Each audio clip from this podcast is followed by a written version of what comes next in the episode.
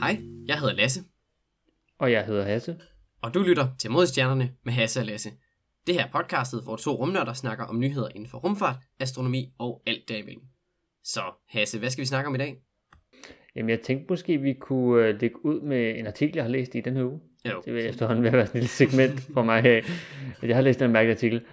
Men det handler om, at der er nogle forskere, som mener, de har fundet en eksoplanet, så altså en planet om en anden stjerne, som har muligvis har fået en atmosfære nummer to.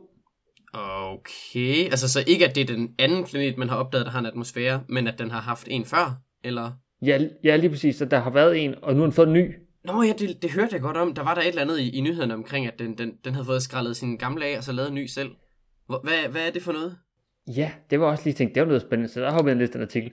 Øh, Det var ret cool ting, de har brugt Hubble-teleskopet tilbage i 2017, så efterhånden et par år siden.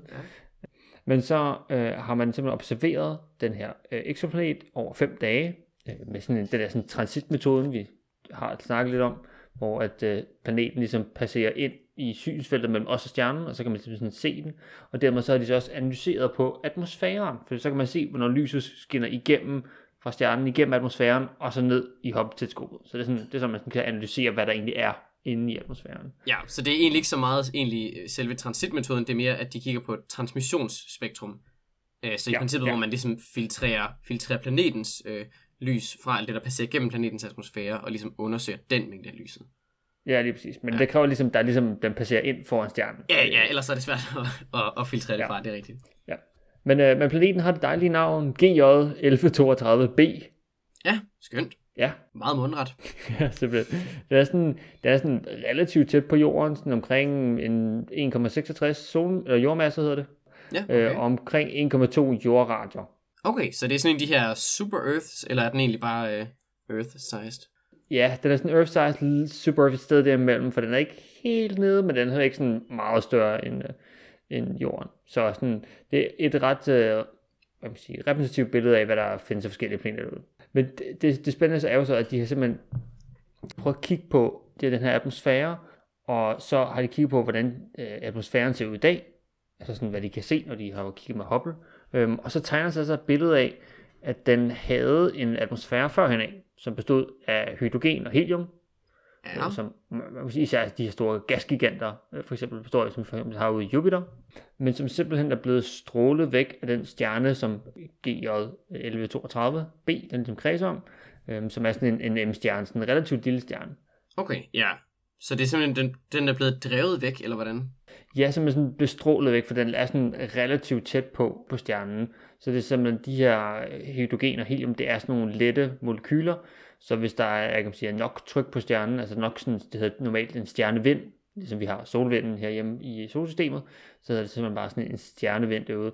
Så sådan, sådan, jeg man sige, øh, partikler, der sådan ligesom stråler fra stjernen, og ligesom sådan, ja, skralder er et rigtig godt ord, øh, atmosfæren væk fra, fra den her planet, som er meget tæt på. Og, og nu ligner det altså sådan, at den så, i stedet for at den her atmosfære, der så er blevet skrællet væk, er blevet erstattet af en atmosfære, som det minder lidt om den gamle, stadigvæk store mængder hydrogen.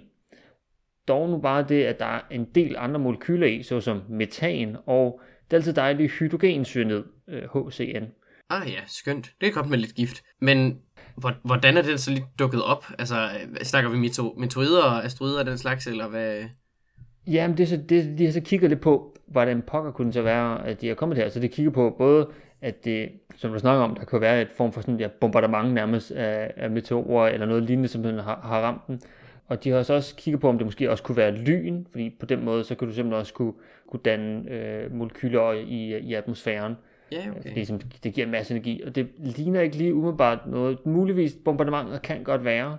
Lynene, ikke særlig. Der skulle være, i den fine artikel beskriver de, at sådan, sådan frekvensen af lyn, sådan, hvor mange lyn der sådan skulle være over tid, skulle være mere end 1000 gange det, man ser på jorden. Ja, okay, så konstant tordenstorm, basically hele tiden. Ja, ja. Så man er lidt sådan, bevares, det er en mulighed, men det ser ikke så sandsynligt ud. Nej, okay. Så, så det de hælder allermest til, i hvert fald også ud fra de modeller, de så har prøvet at lave, og så sammenligner de så med det, de ser, så er det simpelthen, at det stammer fra vulkansk aktivitet på planeten. Okay. Ja, så det er, jo, så det er lidt sådan en, en sjov planet, så det normalt tænker vi måske på nogle af de her, især når jeg fortæller omkring atmosfæren og meget hydrogen og helium, så vil man måske tænke, det er sådan en gasplanet, men inden, fordi den har simpelthen sådan en, en rocky core, hedder det, altså sådan en, en kerne, som består mere af sådan nogle ja, klippeplaneter, som vi kender fra Venus og øh, Jorden og Mars, så de her sådan lidt mere man sige, de inderste planeter i vores øh, solsystem. Og så skal det simpelthen så have været, at den sådan oprindelige hydrogen, eller i hvert fald en stor del af den, har så blevet fanget i det her magma, som egentlig bare sådan er lava, og så øh, er blevet frigivet igen, både som, som, øh, hvad den hedder, som hydrogenmolekylet H2, men også så, hvor det nu er blevet optaget igennem magmaen, så har det så bundet noget carbon, og så lavet det her metan og øh, for eksempel hydrogencyanid, hvor der så også, der er også carbon i. Så det er simpelthen, at man har, at igennem magmaen er hydrogen blevet absorberet, og så blevet kommet ud igen senere, øh, nu med lidt ekstra på, hvis vi kan sige det sådan. Okay. Det lyder alligevel ret ja. vildt. Men hvordan har de så ligesom kunne, kunne sige noget om, at det er den gamle, der er blevet skrællet af? Kunne det bare være, at det var sådan, den var til at starte med? Jeg, jeg tænker bare så sådan, hvordan kan de vide, at det, at det her det er den anden øh, atmosfære, den har? Det kunne også bare være, at den ligesom ikke havde nogen, og så har den lavet den her som den første. Ah, okay. Ja, det, det de har kigget på, det er, at der er også en anden planet, som ligger relativt tæt på, øh, som hedder, den hedder C. Den er også sådan en, en, den her, en, en gaslignende øh, planet. Så, så det tegner sig på, at generelt, så når vi ser ud, så er det ikke så tit, vi ser udelukkende jeg vil sige, gas, eller hvad hedder det, rocky planets, mm så de her klipplaneter. Så, så det tyder altså på, at, at der har været den her før, men det er også mere på grund af, at der er de her store mængder hydrogen, så det vil sige, at der har været det her, men, men hvor, hvad man siger, hvor, hvor skulle alt det her metan og hydrogencyanid, der er andre forskellige øh, grundstoffer, de også kigger efter, såsom carbonmonoxid og sådan noget, hvor kommer det fra? Det er ikke noget, som typisk opstår i atmosfære. Så, så ideen er, at der nok har været en atmosfære førhen, og nu er den så blevet øh, hvad man siger, ændret mm. til at, at, at have de her, fra vulkansk aktivitet til at have de her forskellige molekyler i sig. Så, så ideen er lidt, at der må have været en atmosfære førhen, som nu er blevet ændret. Okay, så de har simpelthen været i gang med lidt, øh, hvad kalder man sådan noget, planetarkeologi på en eller anden led. Været i gang med at undersøge historien af hele det der system der. Det er alligevel, det er alligevel lidt vildt, at den så har haft en, en atmosfære før, som så er blevet påvirket så meget. Vildt nok. Ja, det er altså et, et, et, planeten i sig selv er blevet undersøgt et par gange her over de sidste sådan, 10 års tid, hvor der også både har været øh, ground-based observationer, altså fra, fra teleskoper på jorden her, som har førhen ellers har vist, at der også har været vand i atmosfæren. Ja. Men det ser, det ser de så ikke med Hubble her i, i, øh, i deres observationer her fra 2017 af, og det kan muligvis også være... Ja, det må vel så være været jordens atmosfæres egen vand, der, der ligesom er i vejen der. Ja, lidt, øh, at selvom man kan gøre rigtig meget på at man sige, filtrere det fra, således at man øh, man sige, ikke ser øh, vandet fra, fra jordens atmosfære, så kan det være svært nogle gange øh, at være helt perfekt. Så, ja. så det er måske det, der muligvis har, har været sket i de tidligere observationer. Mm, ja, den slags er, er jo heller ikke helt, helt unormalt, at man, øh, man bliver blokeret der af, af, af jordens ja. egen atmosfære. Der, der er jo desværre lidt at, ja. at skulle tage højde for. Hvad med, øh, jeg tænker, når man så får, øh, får forhåbentlig senere i år, nu, nu er det det der med, at det er farligt at sige, øh, sige det teleskops navn, så det har jeg ikke tænkt mig at gøre. Øh, men når det der nye teleskop, som vi, hvis navn ikke må benævnes, øh, når det nu engang bliver sendt op senere i år, tror du så, at det ville kunne, øh, kunne observere det? Det, det ligner mig, for det, kunne, det ligger, vi skal hen i det her lidt infrarød og kigge henad, for at kunne, kunne kigge efter nogle af de her øh, molekyler. Så den her atmosfære vil være sådan en klassisk, også fordi det netop er transitmetoden, så hvis man bare kunne pege øh, teleskopet, der ikke må fornævnes, i den rigtige retning, så, så kunne det være et, øh, et rigtig fint target at kigge på. Så det er, det er ikke en helt dum idé. Jeg skal selvfølgelig, der skal selvfølgelig nok lige skrives en uh, proposal til, til dem, som har teleskopet, der ikke må benævnes. Og så uh, kan vi krydse fingre for, at uh, det er måske, fordi det er jo, ja, det er sådan en mærkelig, det lyder, sådan, det lyder som sådan en rigtig mærkelig planet. Altså det er jo sådan en, ja, en, en, en rocky core, altså sådan en klippeplanets kerne, der nærmest er tilbage. Og den er nu så begyndt at være ja, man sige, aktiv, i hvert fald hvad man, hvad man tror med vulkansk aktivitet. Og det, altså, det kunne også være muligt, for den er relativt tæt på sin, sin stjerne, så der vil godt kunne være noget, noget hvad man siger, indre energi, der bliver ja. trukket og rykket i. Ja, der er helt, helt sikkert noget potentielt dynamo-effekt der. Det, altså, det ser man ja. jo bare ved, ved nogle af, af Jupiter og Saturns måner, så altså, det, det er da bestemt også en mulighed her, at det, at det kan lade sig gøre. Ja, så det, er, det er ikke helt skidt. Så, øh, så det, var, det var ret cool artikel, jeg har været ret grundig, så nu, øh, og selvfølgelig laver det den her klassiske, vi har brug for flere observationer. det kunne være rigtig fint med teleskoper, der ikke må benævnes. Ja, så det, det, nu må vi se. Vi, øh, vi, vi glæder os til, til teleskopet uden navn øh, bliver, bliver sendt op. Ja. Ja, jeg ved ikke, om man skal, skal nævne, hvad det rimer på. Bames Map. Haze, Well Hope. Ja. ja. teleskopet. Lad os, mm. lad, lad, det, lad, os være, lad det være et mysterie. Det, øh, fra eksoplaneter langt, langt væk til, øh, til jorden. Øh, desværre en, øh, en lille, lidt trist, kedelig nyhed, der skal bringes. Vores gamle, gode ven, Delfini 1, er desværre øh, gået bort. Ja. Ja. Så, sådan det, er det nogle gange. Sådan er det, desværre.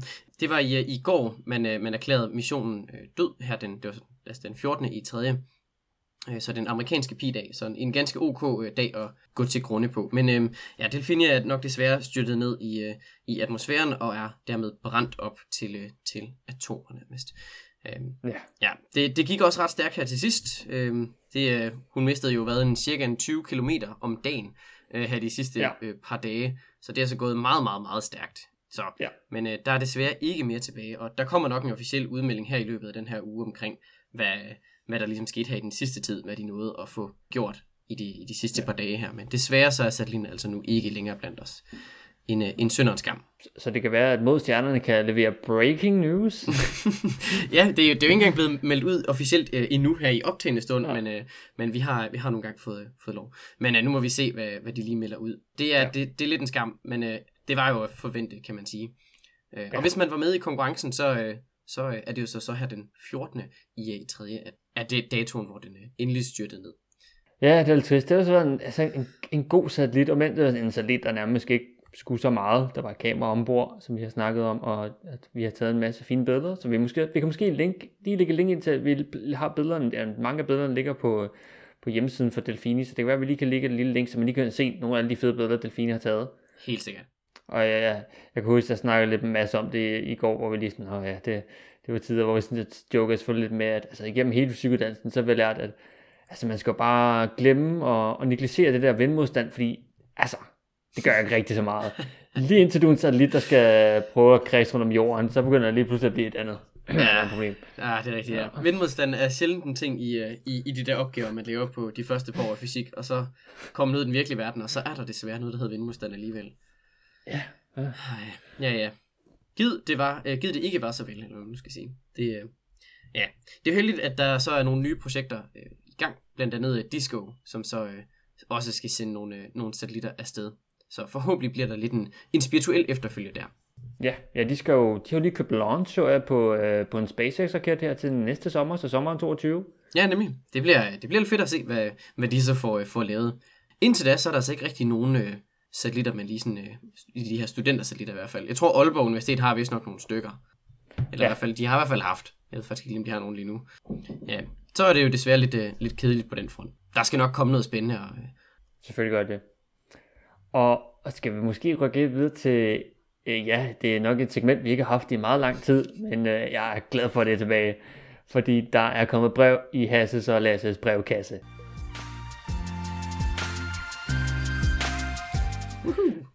Fedt. Ja, det er kæmpe fedt. Altid glad for at få mails. Så vi har simpelthen fået en mail fra Thea. Thea B. B. Jeg er ikke helt ud. Igen, også med, med at udtale ting, så vi ikke helt ved, hvordan skal udtales. Vi slagter alle navn. Hvis I sender jeres navn ind, så skal vi nok slagte for jer. Bare roligt. Ja, i hvert fald Thea, tusind tak for mailen. Men Thea skriver, hey hey, jeg har eventuelt et spørgsmål til episode. Hvad er Exploding Egg Theory? Jeg fatter hat. Jeg mener, at det er noget med universets fødsel, og eventuelt hvorfor vi er tæt på midten af det hele, men jeg er ikke sikker. Og så skriver hun også videre, måske spørger jeg dumt, men hvorfor leder man egentlig næsten udelukkende efter liv, hvor der er vand? Hvad nu, hvis der var nogle mega seje aliens med saltsyre for blod? Og så skriver hun så til sidst, øh, jeg er virkelig glad for jeres podcast. Hver episode er mega spændende. Og jeg vil bare gerne sige, tusind tak for at jeg skrevet ind til jer. Det er kæmpe fedt. Og det er nogle gode spørgsmål. Det er ikke nogle dumme spørgsmål. Det er sådan nogle, lige præcis nogle spørgsmål, jeg synes, der er super sjov at lige kravle ned i. Så nu har vi siddet her i løbet af ugen og lige gik ind, og Exploding X-Theory, cool, og øh, liv og vand, og hvordan det hele hænger sammen. Så vi er glade for at skrive. Vi skal nok få, få svar på dine spørgsmål. Jamen lad, lad os da tage dem øh, et af gangen. Så Exploding Egg Theory, det er vel øh, noget omkring det her med, at universet det var en singularitet på et tidspunkt, altså hvor hele universet ligesom var samlet i et punkt. Det er det her, man snakker om inden Big Bang. Øh, og så starter Big Bang ligesom, og så kommer hele universet ligesom ud af det her, jeg ved ikke, om man skal kalde det et æg, men altså det her, den her singularitet, som ligesom sådan udvider sig helt enormt meget, og så får man ligesom universet ud. Så altså at kalde det en, altså en eksplosion, og hele navnet Big Bang er jo lidt, øh, ja, måske lidt, øh, lidt et forkert navn, kan man sige. Der var ikke rigtig noget lyd på det tidspunkt. Men altså, det er det her æg, der ligesom sådan ekspanderer, om man vil. Ja, og, og vi er så hele universet, og så den her ja, kylling, man kan sige, inde i ægget på en eller anden måde. ja, og er det så sådan måske det gode spørgsmål, eller svaret til det gode spørgsmål om, hvad kom først, ægget eller, eller hønen? Og det er jo så i det her tilfælde ægget. Yes. måske, hvad ved? Ja, nå, i hvert fald. Så, ja, så den her øh, exploding egg theory, det er så omkring altså Big Bang, at det hele stammer fra et lille æg, eller hvis man kan kalde det sådan, som så eksploderer ud, og så Ja, det er på en måde, ja, Big Bang-teorien i en nødskal, æggeskal. Ja. Hvad ved jeg? Ja. Noget af den stil. Med hensyn til det med, at vi er tæt på alting, jamen altså, det ligger jo lidt i retning af, af det her med, at øh, ja, det hele har været samlet i en, i en singularitet. I hvert fald, hvis jeg forstår spørgsmålet rigtigt, så er det om, hvorfor vi ligesom er centrum af universet. Det er, altså alting er jo i princippet centrum af universet, hvis man ser det på det med, at vi ligesom har været i den her singularitet, og så udvider alting sig jo væk fra hinanden. Så alle steder har ligesom været startpunktet for, for Big Bang, i og med at universet jo udvider sig. Øh, så på den led, så er jeg, der sidder i Aarhus, jeg er øh, universets centrum, men Hasse, der sidder i, i øh, nede i Holland, han er så også universets centrum, men det er Andromeda-galaksen, der er super langt væk, altså også, så det, alting er på en eller anden led universets centrum. Jeg ved ikke, man skal sige det til alle mennesker. Det kunne godt få nogle folk til at tænke, nå ja, selvfølgelig okay. er universets centrum. ja, det er selvfølgelig lidt, mere, lidt mere at, at pusse folks ego op, men ja, ja, ja. You get, you get the picture. Øhm, ja, og måske lige sådan, bare lige øh, for, for, for en god undskyld, så sagde, jeg sige, Big Bang-teorien kommer jo så jeg vil sige, fra observationer fra universet, og så har man så lavet øh, teorier om, hvordan det så øh, hele hænger sammen. Og det ser man for eksempel blandt andet i universets udvidelse med, hvordan galakser, lige med undtagen af Andromeda-galaksen der, hvordan de bevæger sig væk fra os, lige meget hvilken retning vi kigger i, som vi kigger, hvad man siger, sige, til højre eller til venstre eller op eller ned, så lige meget så galakserne de bevæger sig alle sammen væk fra os. Det er ligesom som om, at man siger, hele universet sådan flytter sig væk fra os i centrum. Øhm, og det er præcis det samme, hvis du så havde stået i, hvad ved jeg, en eller anden øh, anden galakse, som ikke lige Mælkevejen, og måske ikke lige Andromeda, fordi de to er på vej imod hinanden, fordi om end de er relativt langt væk fra hinanden, så er det lige der, hvor tyngdekraften er lidt stærkere, og lige overvinder udvidelsen af, af universet på, på sådan en stor skala. Ja, og jo egentlig så, jo længere væk man kigger, jo hurtigere bevæger tingene sig faktisk også. Så universet ser ud til at, og, hvad skal man sige, accelerere i, hvor hurtigt det udvider sig. Lidt skræmmende at tænke på, fordi hvis man så venter langt nok tid, så på et eller andet tidspunkt, så bevæger tingene sig så hurtigt væk fra os, at vi aldrig nogensinde får lyset fra dem. Og så bliver universet faktisk, ja så, det synlige univers vil faktisk så blive mindre og mindre. Det er sådan lidt skræmmende at tænke på. Ja, fordi lyset ja. bliver rød, øh, rødforskudt. Så, øh, så hvor man normalt ville kunne se en galakse, der er super langt væk, så vil den gradvist blive rødere og rødere, og så til sidst blive infrarød, og så kan man altså ikke rigtig se det længere. Så, øh, så ja, det synlige univers er blevet, øh, blevet mindre, om man vil. Det er sådan lidt skræmmende. Ja. Eller, ja, spændende måske nærmere. Det er i hvert fald interessant. Og til at spurgte så også ind til, til med det her, hvorfor man kigger efter liv, hvor der er vand. Og øh, ja, og men man måske ikke lige skal lave teorier ud fra et datapunkt, i det her tilfælde jorden, så her på jorden har vi generelt fundet liv, hvor der er vand. Øhm, og indtil videre, så virker det som om, at vand at det er sådan, som ja, binder livet sammen på en eller anden måde. Ja, det er i hvert fald øh, det er ret svært at finde noget, øh, noget, noget liv, som ikke afhænger af vand. Altså selv i de der ørken, øh, ørkenområder med nærmest ingen regn, så hvis man sige, er livet omkring der, hvor der så endelig er det her, det her vand her. Ja, det, og så selvfølgelig, jeg må sige, hvor livet i, i hvert fald som vi kender det, det er altså kulstofbaseret eller carbonbaseret.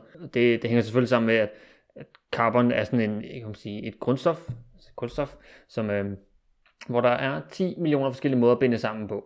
Og det er simpelthen bare super nemt, når man skal prøve at bygge sådan for eksempel liv sammen, så kan man tænke på det som Lego-klodser. Så er det bare nemmere, når ens legoklods passer på 10 millioner måder sammen med alle de andre legoklodser, end hvis du har en klods, der kun kan passe sammen med øh, hvad ved jeg, 10 andre, i stedet for 10 millioner andre. Så er det bare nemmere at bygge ting op, når man lige har noget, der er virkelig godt til at, at bygge med. Ja, det gør det sådan en lille, en lille smule sjovere, at der er lidt, der, lidt variation der på en eller anden måde.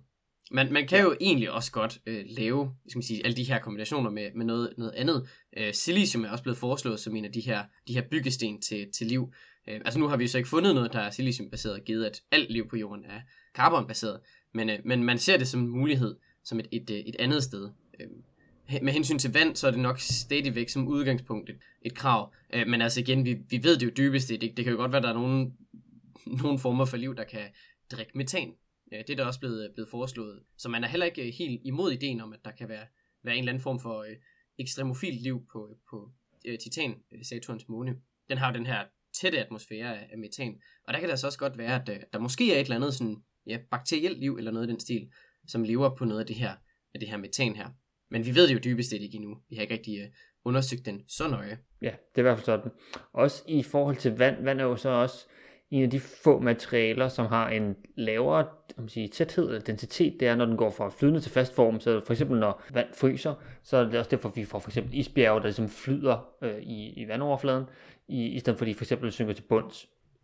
Og det er, sådan lidt, en, det er lidt måske sådan et, et langt stretch, men det er for eksempel også derfor, at, at fisk kan overleve i søer, der om end er dybe nok hen over vinteren, fordi at isen starter på toppen, og så, øh, man kan sige, så fryser den fra toppen af, og så skaber den sig næsten sig selv sådan et isolerende lag til vandet nedunder. Men hvis is har haft en større densitet, når det gik fra flydende til fast form, så det simpelthen var sunket til bunds, så begyndte det at køle nedefra. Og hvis det var koldt nok, så ville du simpelthen bare kunne fryse fra bunden af hele vejen op, og så fisken, de kunne ligesom ikke de komme nogen steder hen, og så blev det simpelthen tvunget op til, til overfladen af, af søerne, og så blev dræbt fisken hen over vinteren. Så ville der ikke kunne være noget, der kunne leve i vand hen over vinteren.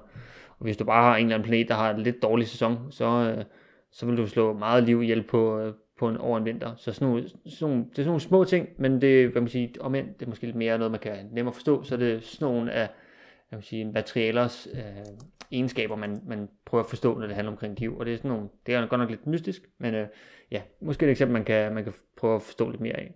Og ellers så så jeg, øh, nu så jeg lige her til aften, det her klokken halv otte, inden vi, vi optog, så øh, Liv Hornekær, som er professor her på Aarhus Universitet, hun øh, holdt lige en livestream her i aften.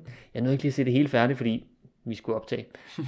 Men øh, hun snakker lidt om livets oprindelse, så jeg er ikke helt sikker på, at hun når helt hen til, til vand og sådan noget, men det kunne jeg forestille mig, hun selvfølgelig nok kommer ind på. Så jeg ved i hvert fald, at der, der kommer nok et, øh, vi kan i hvert fald måske lægge et YouTube-link. Jeg så, det, det blev lagt op som en, som en YouTube-video, øh, så kan det være, at man lige kan hoppe ind og se den. Og der, hun snakker også både om noget af hendes egen forskning, hvilket er virkelig cool, som er sådan noget, øh, det hedder det interstellare medium, som er sådan jeg vil sige, det her gas og støv, som er imellem stjerner, øh, og hvordan forskellige grundstoffer kan blive dannet i det her støv. Det er virkelig cool.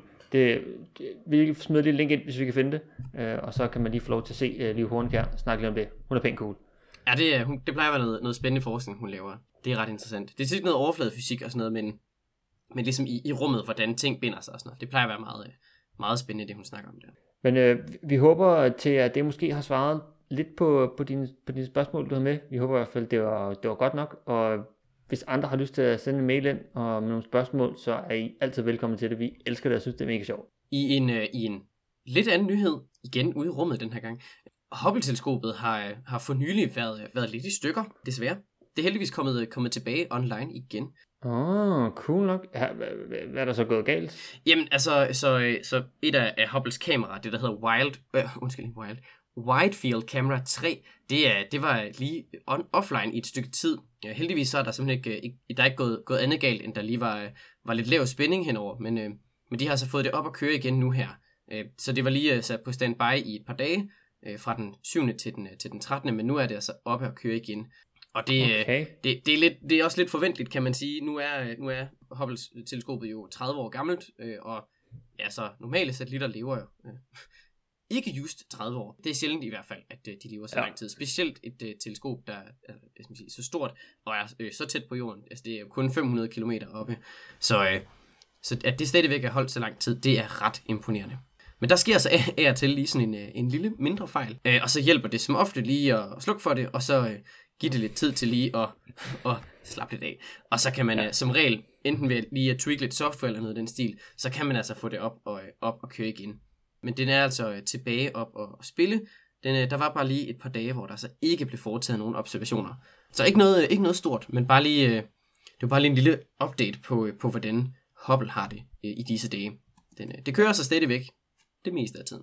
Det lyder godt. Hvad med uh, SpaceX-hjørnet? Nu hvor vi lige var ude i rummet, så lige ned på jorden igen, men på vej ud. Hvad, hvad sker der over i det hjørne der? Jamen, vi har snakket om, at SNT jo uh, ja, landede hårdt, skal vi sige det sådan. Og allerede et par dage efter, så øh, her, det var så her tidligere på ugen, så kom SN11, blev kørt ud på, på platformen, øh, og, og er nu i, i, der har så været nogle, nogle tryktest, hvor man simpelthen øh, tester de her tanke, som er ombord på, på, på SN11, så de, kan de holde det trykket, inden vi fylder dem op med, med en masse brændstof, så, så kigger man igen, og det er gået godt indtil videre, så nu øh, krydser jeg fingre for, at der ja, efterhånden snart kommer en, øh, en, endnu en, hvad man sige, en flyvetest fra, fra SN11, og forhåbentlig lander den her gang.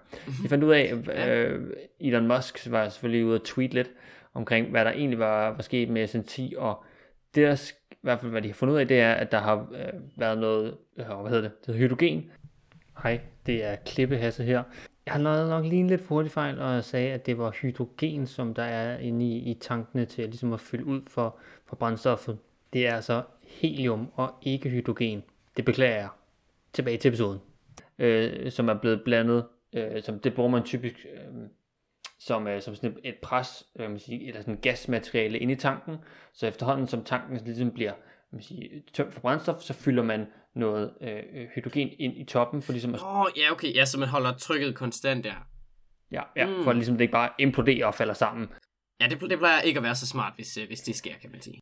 Især ikke, når man er på vej ned igennem atmosfæren. Dårlig idé, ja. Ja, og også generelt, så kan det ligesom trykke øh, brændstoffet ned imod enden øh, af, af, hvad man siger, af, hvor hvad man siger, brændstoffet skal ud, og så ned til, til motoren. Så det, er sådan, det har lidt flere øh, funktioner. Og, og desværre ligner så, at der så har været noget hydrogen, der så er kommet med ned i, øh, i, i brændstoffet, og det er det, der har haft problemer med at få motoren til at køre ordentligt. Nå, altså det er den sådan flipper, så er noget af det her gas, så blandet sig en smule, så hydrogen er kommet ned i stedet for brændstoffet ned i bunden til selve motoren. Ja, det ligner det. Ah, ja, okay, det kan jeg godt se. Det, det er jo egentlig lidt, øh, lidt usmart, så jeg tænker, det er en god ja. idé, at der er øh, raketbrændstof nede ved motoren, og ikke noget ikke-raketbrændstof. Ja, det er præcis. Mm. Ja. Ja. Så det, det, det er lidt, øh, desværre lidt træls, men det, hvad man sige, ja, sådan er det, når man, når man eksperimenterer med, med raketvidenskab, så skal man jo lære lidt hen ad vejen. Men, øh, men SN11 er altså ude på platformen nu, og bliver krydset fingre for, at der, der snart kommer noget, noget mere ud og, og flyve. Og hvordan, hvad, hvad er det nu for nogle numre, de springer over igen? Jeg bliver ved med at glemme det. Ja, så, så de kommer til at springe over 11, 12, 13 og 14. Men 11 er den, der står derude nu. Ah, undskyld, undskyld. 12, ah, 13 og 14, ja. så de næste, ja, de næste tre. Alright. Ja. Og så hopper de til... 15 og så 16 og så videre deroppe af. Alright. Spændende. Det bliver lidt interessant at se, om de, øh, om de så kan, kan få 11'eren her til at lande. Og så ikke, at den øh, eksploderer. Øh, øh, RUD'er øh, efterfølgende. Ja. Det, øh, det, det, er altid, det er altid hyggeligt i det mindste at se de her, de her små opsendelser, og hvordan det så ender i, i nogle store, flotte eksplosioner det ser i hvert fald, det er pænt cool, men uh, det kunne være sejt, hvis de bare lige landede og bare lige sagde ja tak, og så, ja. så var den hjemme, du. Ja, det, vil, det ville faktisk egentlig være ret fint, hvis det, hvis det nu for en gang skyld lige, lige lykkedes, uden at det sådan, at det hele endte i en stor ildkugle. Det, ja. det kunne faktisk være nice. Jeg tænker ikke, vi har så mange flere nyheder til jer i den her uge. Hvis I har ris, ros, ting vi skal snakke om, gode spørgsmål, øh, billeder af liv, I har fundet i rummet, eller øh, eller en eksoplanet med en sej atmosfære, I har spottet, så øh, kan I sende mail til os på modstjernerne Husk at følge os på Instagram, og selvfølgelig at følge podcastet på jeres yndlingspodcast tjeneste. Vi snakkes videre i næste uge.